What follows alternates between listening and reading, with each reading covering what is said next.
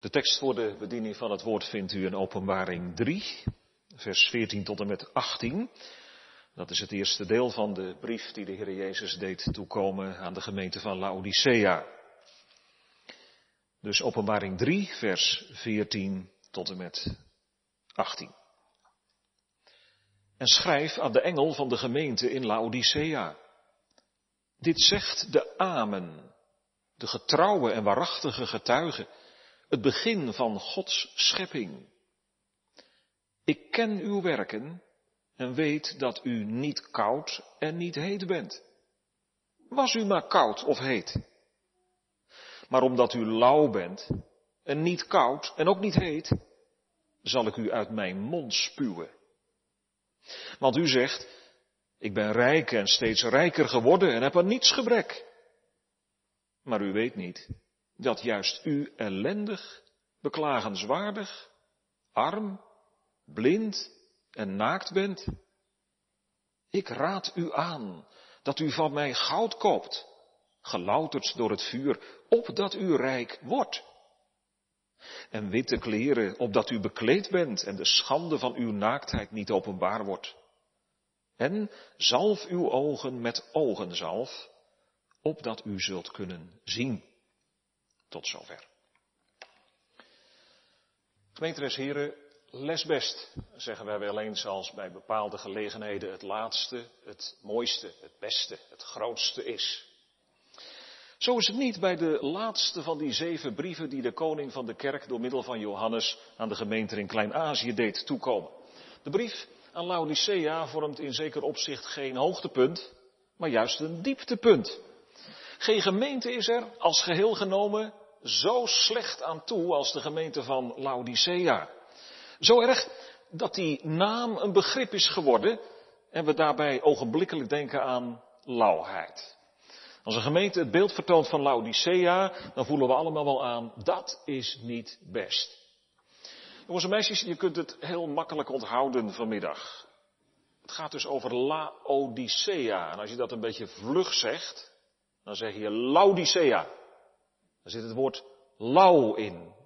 Het, het, is daar in die gemeente dus niet goed. Ik ga er straks nog wel wat meer van zeggen, zodat jullie het dan ook kunnen begrijpen, maar luister dan straks ook maar verder goed. Laodicea, een rijke en beroemde stad in Klein-Azië. Een stad vol van grote welvaart. De plaats was een knooppunt voor de handel, want drie grote handelswegen kwamen daar samen. De stad was ook bekend om haar wisselbanken, waar veel goud en geld circuleren. Zeg maar het Wall Street van vroeger. Verder was het een, stad met zeer winstgevende textielindustrie. De zwarte schapen die graasden op de berghellingen en in de weiden in de buurt waren beroemd om de prima kwaliteit van de wol die ze leverden voor de fabricage van wollen stoffen. En die werden dan weer ingezet om kostbare kleding in elkaar te zetten. De laatste mode voor de upper ten werd in Laodicea ontworpen. Zo'n beetje het, het Parijs van vandaag, zeg maar. Er was ook een tempel voor de god Meem. Die werd aangeroepen tegen oogziekten. En ook vond je er een, een medische school die beroemd was vanwege haar voortreffelijke medicijnen. Tempel en school samen hielden weer verband met een zeer winstgevende productie van ogenzalf. Als je een bepaalde oogziekte had in het Oude Oosten, dan moest je zorgen dat je in Laodicea kwam, allicht dat er een middel daar tegen te vinden was. Nou, ik zeg deze dingen niet gemeente om maar een paar interessante weetjes door te geven, want daar hebt u niet zoveel aan, maar deze dingen komen op een bepaalde manier in deze brief weer terug. Dat zullen we straks wel horen. Nog één ding wil ik doorgeven vanuit de geschiedenis van Laodicea. De stad werd in het jaar 64 na Christus getroffen door een zware aardbeving. Werd verwoest en daarna weer opgebouwd. In de nieuwe stad, die, die was nog veel mooier dan de oude. Die bloeide helemaal op. Men had kosten nog moeite gespaard om de welvaart weer helemaal op te kunnen krikken. Daarna is die stad nog een keer verwoest. En tussen die eerste en tweede verwoesting in heeft de Heer Jezus deze brief aan de gemeente laten toekomen. Nadat die stad voor de tweede keer verwoest was, is ze nooit meer opgebouwd. En wat krijgen in dat licht de woorden van Christus? Ik zal u uit mijn mond spuwen. Een bijzondere klank. Zo betrouwbaar is hij in zijn woorden, ook als hij dreigt. We gaan naar het eerste deel van deze brief luisteren onder het thema De trouwe getuige spreekt tot de gemeente van Laodicea. En we horen drie dingen. In de eerste plaats een ernstig oordeel. Vervolgens een eerlijke diagnose. En tenslotte een goede raad. Dus de trouwe getuige spreekt tot de gemeente van Laodicea. Een ernstig oordeel. Een eerlijke diagnose. En een goede raad. Gemeente, voorop moet staan dat de Heer Jezus de woorden tegen deze gemeente spreekt in grote liefde. Zoals dat bij elk van deze zeven gemeenten steeds weer het geval is. Hij strekt zijn hand uit naar een gemeente die ten dode wankelt. Ook al heeft die gemeente dat zelf helemaal niet door. Maar hij zoekt haar behoud. Krachtig klinken zijn woorden. En schrijf aan de engel van de gemeente in Laodicea, dit zegt de Amen. Hoe vaak gebruiken wij dat woordje niet? Aan het eind van het gebed, aan het slot van een preek. Wel, dat is mijn naam, zegt Christus. En jongens en meisjes, jullie zullen natuurlijk wel weten wat dat woordje amen betekent. Weet iemand het natuurlijk wel? Wat betekent dat woordje amen? Zeg het maar, steek je vinger eens op. Wat betekent amen? Ja? Het zal waar en zeker zijn. Nou, dat is dus ook een van de namen van de Heer Jezus. Dat betekent dus, ik ben volkomen waar en zeker. Ik ben betrouwbaar. Je kunt helemaal op mij aan in alles wat ik zeg en doe. Ik ben de betrouwbare getuige die mijn getuigenis bezegeld heeft met zijn eigen bloed. En daarom moet u mijn woord ook bloed ernstig nemen. Zowel het woord van mijn bedreiging als het woord van mijn belofte. En gemeente, zo komt Christus ook vanmiddag naar ons toe met dat indringende appel. Zie toe dat u hem die spreekt niet afwijst. Als hij zo op het, op het hoogst verzekert dat zijn woorden geen holle klanken zijn, maar de waarheid zelf, dan heeft niemand in Laodicea en niemand onder ons het recht om hem maar te laten praten. Dan moeten wij onze oren spitsen en onze harten afstemmen op de golflengte van de hemel. De heiland noemt zich hier ook het begin van Gods schepping. Daar zit ook een rijkdom aan gedachten in. Daarmee plaatst de heiland zich op één lijn met zijn vader. De vader heeft door hem de wereld geschapen. Al aan het begin klonk zijn woord, er zij licht. En daarom zal hij ook het laatste woord hebben bij het oordeel op de dag van zijn wederkomst. De vader heeft heel het oordeel aan de zoon gegeven, heeft de Heer Jezus zelf gezegd. En daartussenin, tussen schepping en laatste oordeel, Jezus Christus als het begin. Als de eerstgeborene uit de doden. Een licht dat opkwam in de duisternis. Jongens en meisjes, ik zeg dat ook even tegen jullie. Hè. Zojuist hebben we gebeden tegen dat Halloweenfeest. Nou, ik hoop dat je er helemaal niet aan meedoet. Als het gaat om heksjes en duiveltjes enzovoorts, hè, waarmee gespeeld wordt. Weet je, dat komt uit het donker vandaan. Dat komt bij de duivel vandaan. De Heer Jezus is het licht van de wereld. Hangt die poster bij jullie thuis ook voor het raam? Jezus zegt, ik ben het licht van de wereld. Wij hoeven niet in het donker te blijven. We mogen in het licht gaan wandelen. In de Heer Jezus maakt God een nieuw begin. Laodicea en kerk van alle tijden, er is altijd een nieuw begin mogelijk in de Heer Jezus Christus. Maar gemeente, een nieuw begin kan nooit worden gemaakt zonder dat de zere plek wordt blootgelegd. En dat doet de Heer Jezus hier. Indringend, op een toon waarin ook duidelijk zijn verdriet doorklinkt. Ik ken uw werken en weet dat u niet koud en niet heet bent.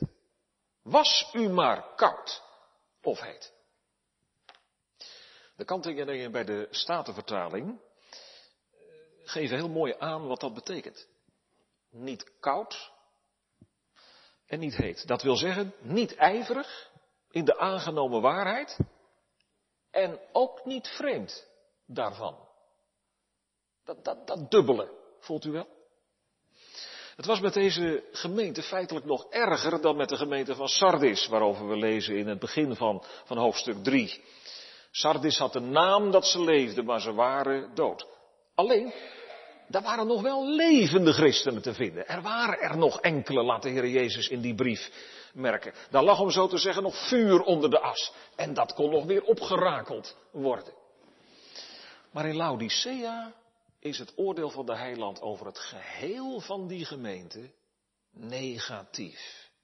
Er zijn blijkbaar geen uitzonderingen meer.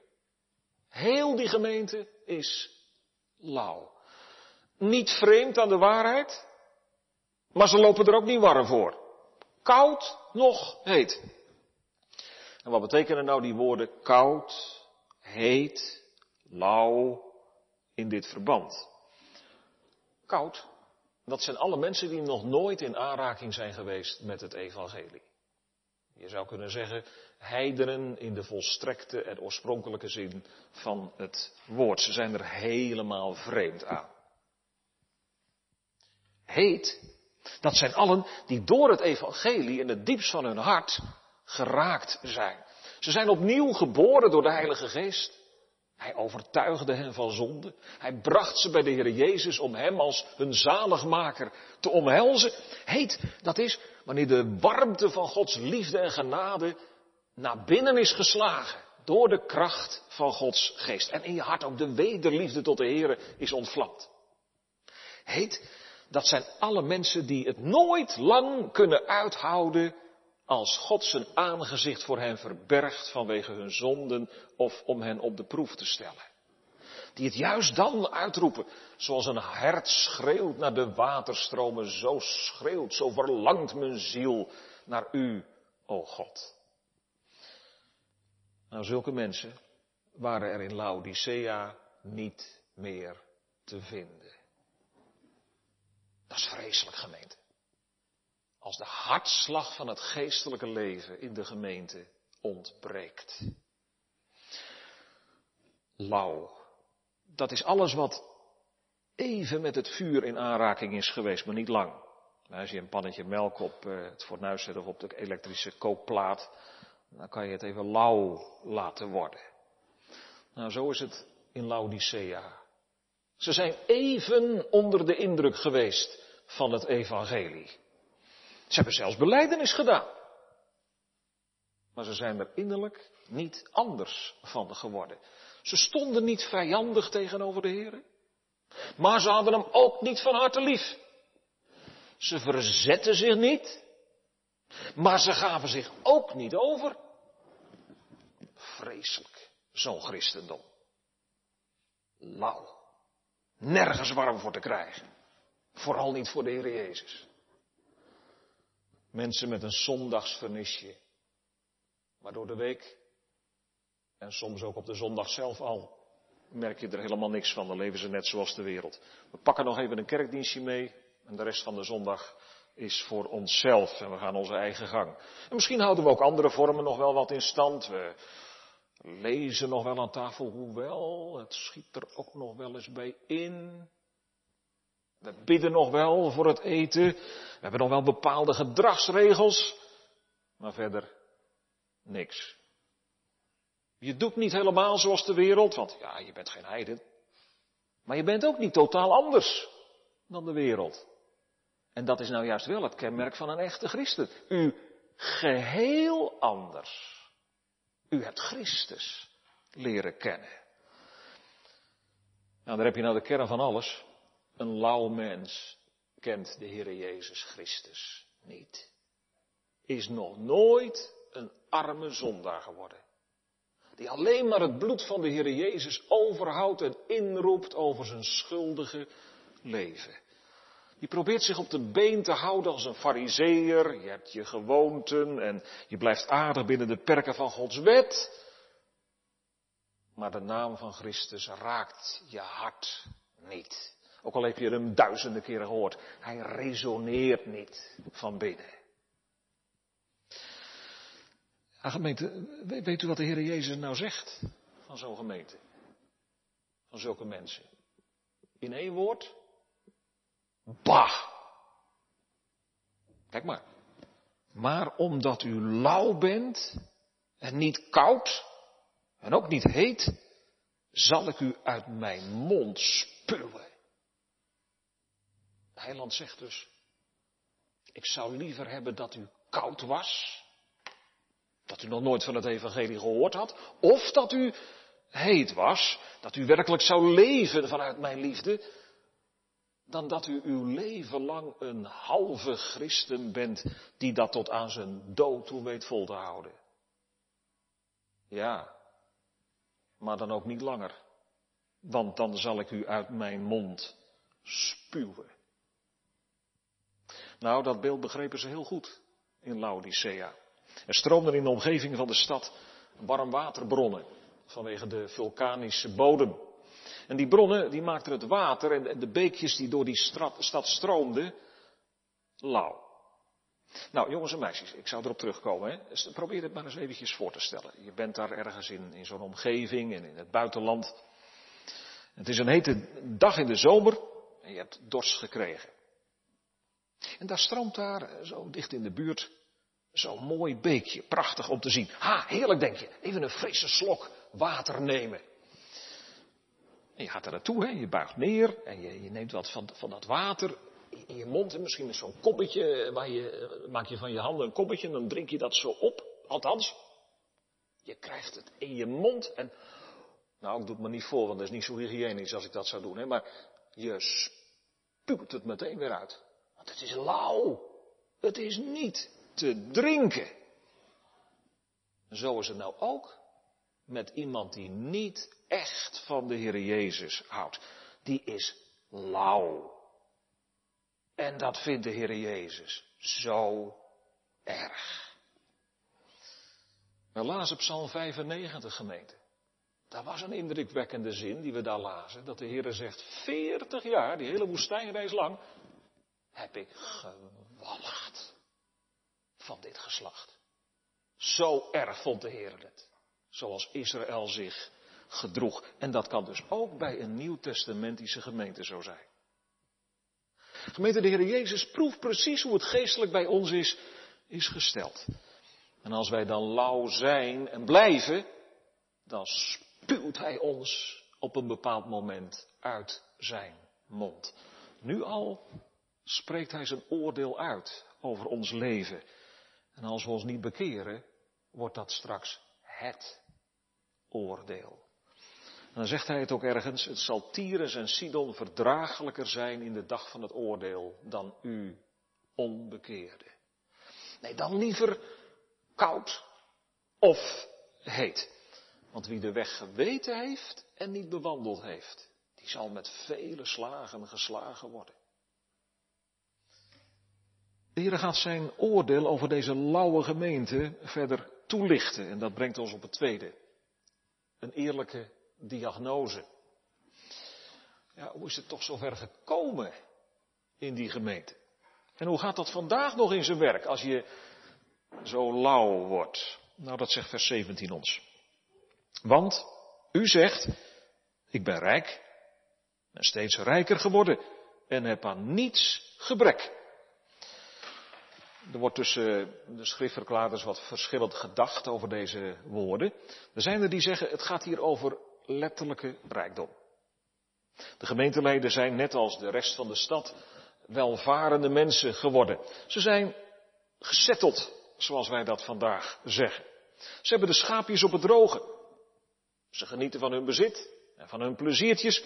En ze vergeten om voor zichzelf schatten in de hemel te verzamelen. Anderen zeggen, ze achten zichzelf geestelijk rijk. Het arme zondaarsgeloof zijn ze kwijtgeraakt. Het is de vraag, gemeente, of je tussen deze twee lijnen van verklaring moet kiezen. Want hangen ze niet heel vaak met elkaar samen. Een Afrikaanse zwarte Christin bezocht ons land. En ze schrok van de mentaliteit die ze onder kerkmensen aantrof. Ze vroeg, wat is nou jullie afgod? Toen de andere gezicht trok als een groot vraagteken, zei ze, het is vast en zeker de mammon. Want als ik met jullie praat, hebben jullie het altijd over geld en mooie spullen en vakanties en dat soort dingen. Ik word er onpasselijk van, zei ze. Schokkend. Zo'n confrontatie. We hebben in het begin gezien hoe rijk de stad Laodicea was. En wat zien wij in onze tijd? Hetzelfde levenspatroon als daar. Grote welvaart. Nog steeds, wij staan nog altijd in de top 10 als Nederlands volk. En we weten, er zijn ook anderen. Er zijn er ook die stille armoede lijden, laten we dat niet vergeten. Maar voor heel veel westerse mensen geldt geen geldzorgen, een behoorlijke luxe, een uitstekende medische verzorging, verzekerd van de wieg tot het graf. En laten we eerlijk zijn gemeente, dat is een sfeertje waarin wij ons al heel snel behagelijk gaan voelen. Het hoeft niet. Dat kan wel. Ze hadden daar in de gemeente van Laodicea niet te maken met vervolging of met laster van de kant van de Joden. Daar lezen we wel over bij andere brieven, nietwaar? En wat kan dat gebrek aan tegenstand een opening voor lauwheid vormen? Dat het allemaal wel zo'n beetje draait in je leven en dat we gaan denken, het gaat eigenlijk wel goed zo. Wat moeten wij nou nog meer verlangen? Huisje, boompje, beestje, ik ben rijk en ik word steeds rijker en ik heb aan niets gebrek. En heb je ook geen gebrek aan contact met Christus? Nou, nee. Niet echt. Moet dat dan?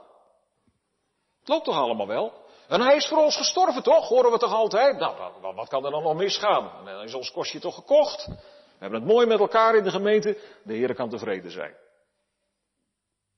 En we denken het niet alleen.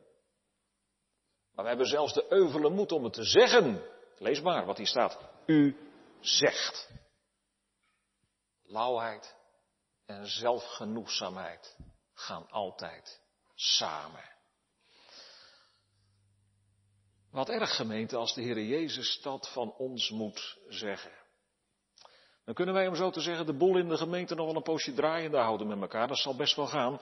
Maar dan dragen we als gemeente de kiemen van de ontbinding al in ons.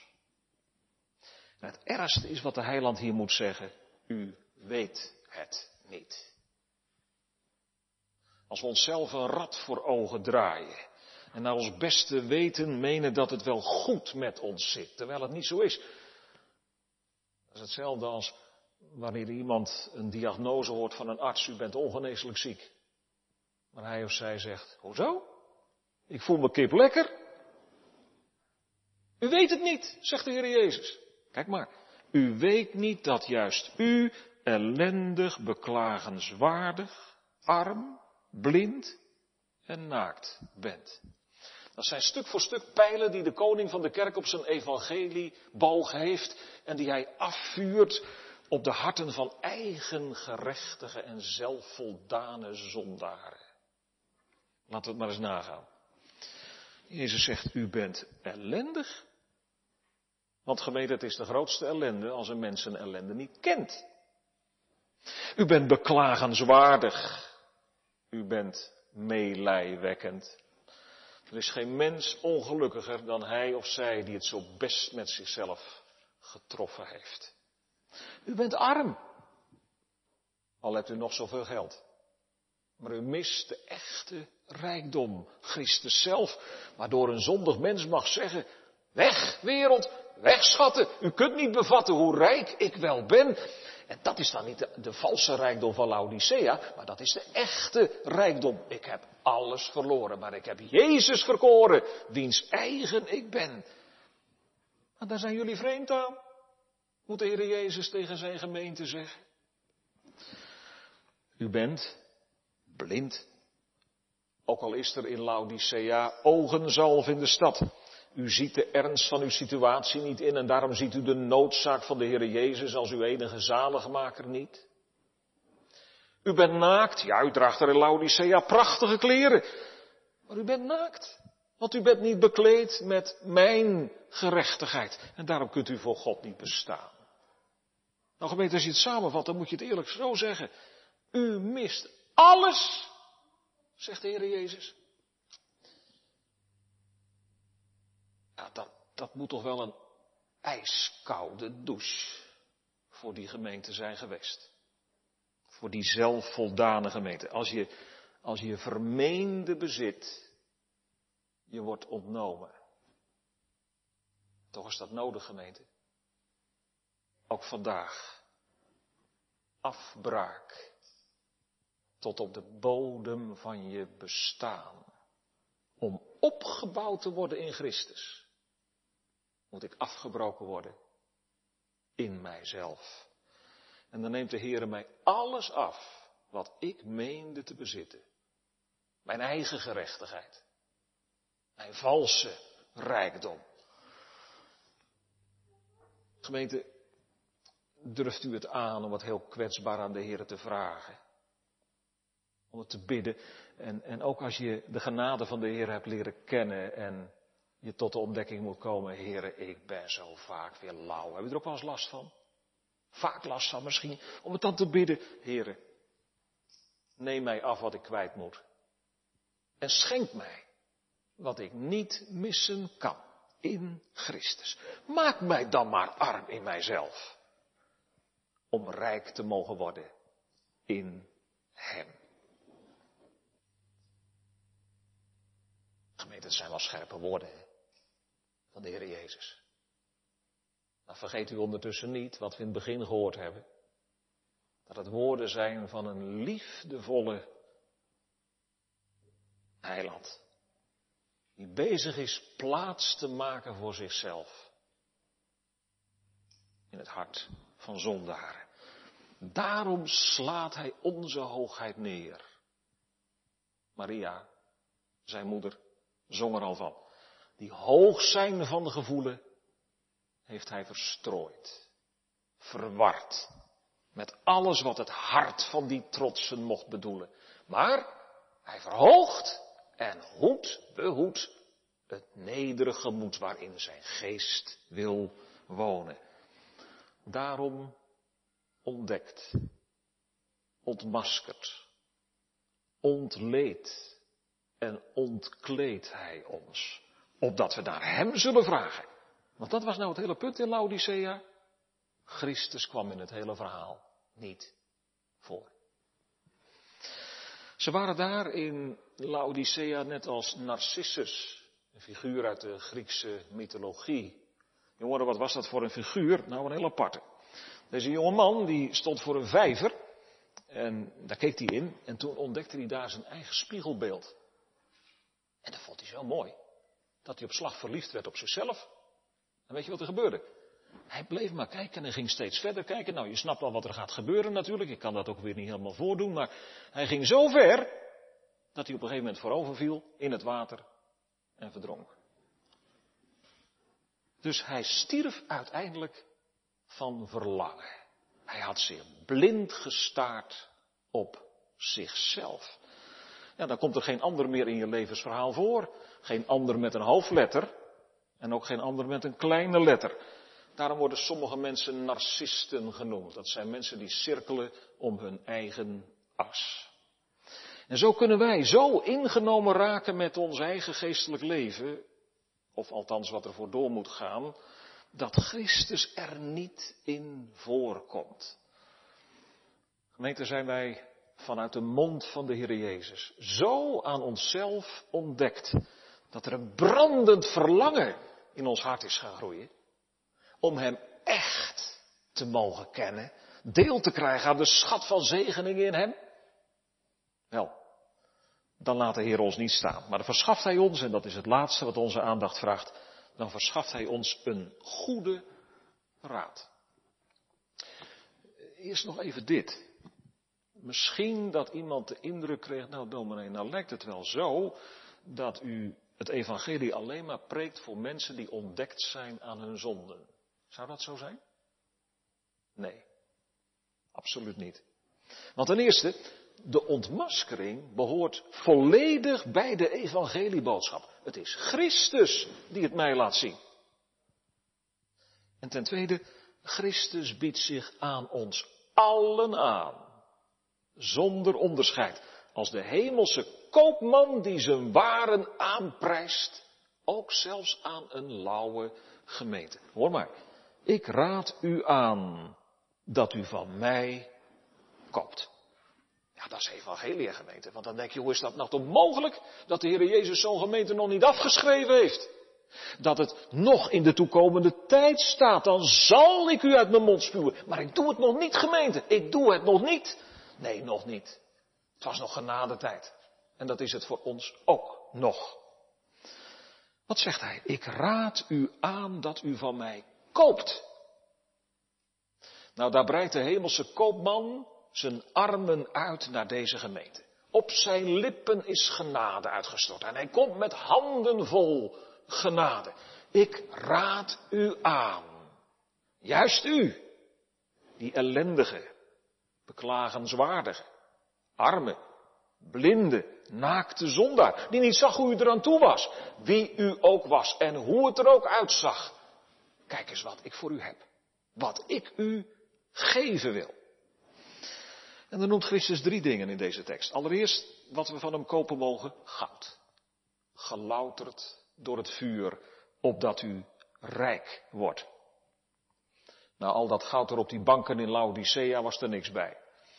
Daar kun je trouwens ook niks van meenemen als je sterft. Hè. Je hebt wel eens van die uh, Egyptische farao's, die hadden dan van die grote piramides gebouwd en er werden allerlei sieraden en kostbaarheden ingelegd. Dat moesten ze meenemen hun dood in. Nou ja, onzin natuurlijk. Je neemt niks mee, daar kun je niet mee voor God bestaan. En ook niet met het klatergoud van je eigen deugdzame leventje. Het goud dat Christus geeft is beproefd, is duurzaam, vuurbestendig. Het houdt het zelfs uit in het laatste gericht. Dat is bewezen, zegt Christus. Proef ondervindelijk vastgesteld. Dat goud, dat is het echte geloof. En alles wat daardoor mijn deel wordt. De Heer Jezus met al zijn schatten en gaven. Christus verdiensten zijn duurzaam. Zijn werk is beproefd. Het heeft het vuur van de hel doorstaan. Hij heeft de vloek op de zonde gedragen. De lijdensbeker tot de laatste druppel leeggedronken. Het is volbracht, kon hij uitroepen. Je kunt ook zeggen, het is beproefd en vast tot in eeuwigheid. Maar dat geldt ook voor dat nieuwe leven dat de Heilige Geest uit de Heer Jezus neemt en legt in het hart van zondige mensen. Het kan de vuurproef doorstaan, dat werk van God in je hart. De vuurproef van lijden en tegenspoed, van vervolging en verzoeking. Wie dat nieuwe leven ontvangt door het geloof, die is een rijk mens. Want door het geloof woont Christus in je hart. En hij zegt het vanmiddag tegen ieder die hier is en ieder die meekijkt en luistert. Dat goud van het geloof, dat is nou bij mij verkrijgbaar. Kom er naar mij toe. Koop het maar. Zonder geld en zonder prijs. Het kost je niets. Al wat u ontbreekt, dat schenk ik u. Zo u het smeekt. En dan ook nog mild en overvloedig. En wat nog meer? Witte kleren. Opdat u bekleed bent en de schande van uw naaktheid niet openbaar wordt. We hoorden het al in het begin. Laodicea was de stad van kostbare kleding. De mooiste kleren en het keurigste kerkpak kunnen niet verhullen dat we in onszelf naakt voor God staan. Dat wij niets hebben om onze ongerechtigheid te bedekken. En de vodden die we zelf gemaakt hebben, die kun je beter meegeven met het oud vuil. De Heer eist een volmaakte gerechtigheid. Dat wij voor 100% conform zijn wet zullen zijn. Hoor, gemeente, zegt Christus. Dat kleed heb ik nu voor u. De kleren van het heil. De mantel van mijn gerechtigheid. Ik ben uw gerechtigheid. Ik ben uw heiligheid. Met maar één bedoeling. Dat u zult wandelen in de witte kleding van reinheid en overwinning. Zonder dat kleed sta je nu al onbedekt voor God. En wordt het straks publiek voor de hele wereld zichtbaar. Dat je rust een valse rust was. En dat je rijkdom een valse rijkdom was. En dat je zelfverzekerdheid gebouwd is op drijfzand. Maar met dit kleed aan is het nu al vrede tussen God en je hart. En zal straks de hele wereld er getuige van zijn dat je niet te vergeefs op de Heer Jezus hebt gebouwd. Want wie op Hem vertrouwt, heeft zeker niet op zand gebouwd. En dan nog die laatste raadgeving. En zalf uw ogen met ogenzalf, opdat u zult kunnen zien. Voor uw geestelijke blindheid helpt de ogenzalf van Laodicea niet. U hebt de ogenzalf van de Heilige Geest nodig, zegt de Heer Jezus. Zonder Gods Geest ontbreekt ons het gezicht. Maar door deze ogenzalf, door de Geest, komt het licht in uw ogen. U krijgt verlichte ogen van het verstand. U gaat zien wie u zelf bent voor God. U gaat zien wie God in Christus wil zijn voor u. U krijgt oog voor mij, de koning in al zijn schoonheid, zegt de Heer Jezus. En u zult door hem de Vader zien. Want wie mij gezien heeft, die heeft de Vader gezien. Gemeente, Christus is nou zo bereid om ons dat te geven. Hij zei het zelf in de synagoge van Nazareth, dat hij gezonden is om blinden het gezicht te geven, opdat ze vol verwondering gaan beleiden. In uw licht zien wij het licht.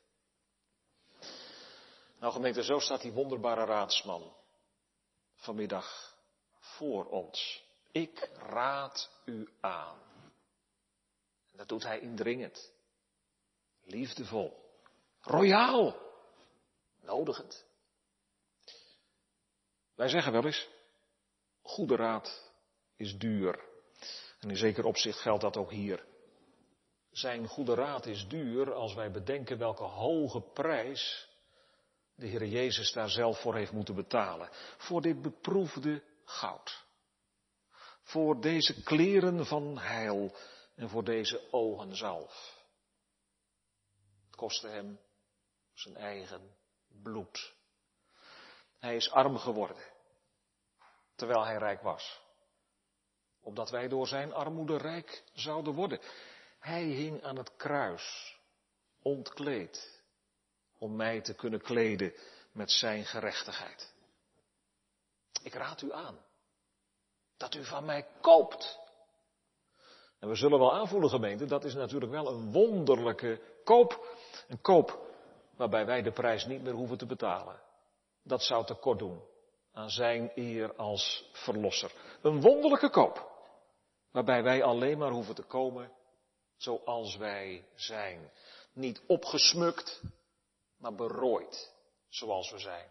Als bedelaars, tot onze laatste snik. En de hemelse koopman breidt zijn handen uit en hij, hij roept het zo overluid dat de hele wereld het kan horen. Alle dorstigen, kom tot de wateren. En u die geen geld hebt, kom, koop en eet. Kom en koop zonder geld en zonder prijs. Wonderlijk, hè jongens en meisjes, hoe kun je nou kopen zonder geld? Ja, bij de Heer Jezus kan dat. Daar hoef je geen geld mee te brengen. Je mag het zo van hem ontvangen. Gemeente, slaan deze goede raad toch niet in de wind. Zou de Heer dan ook van ons moeten klagen?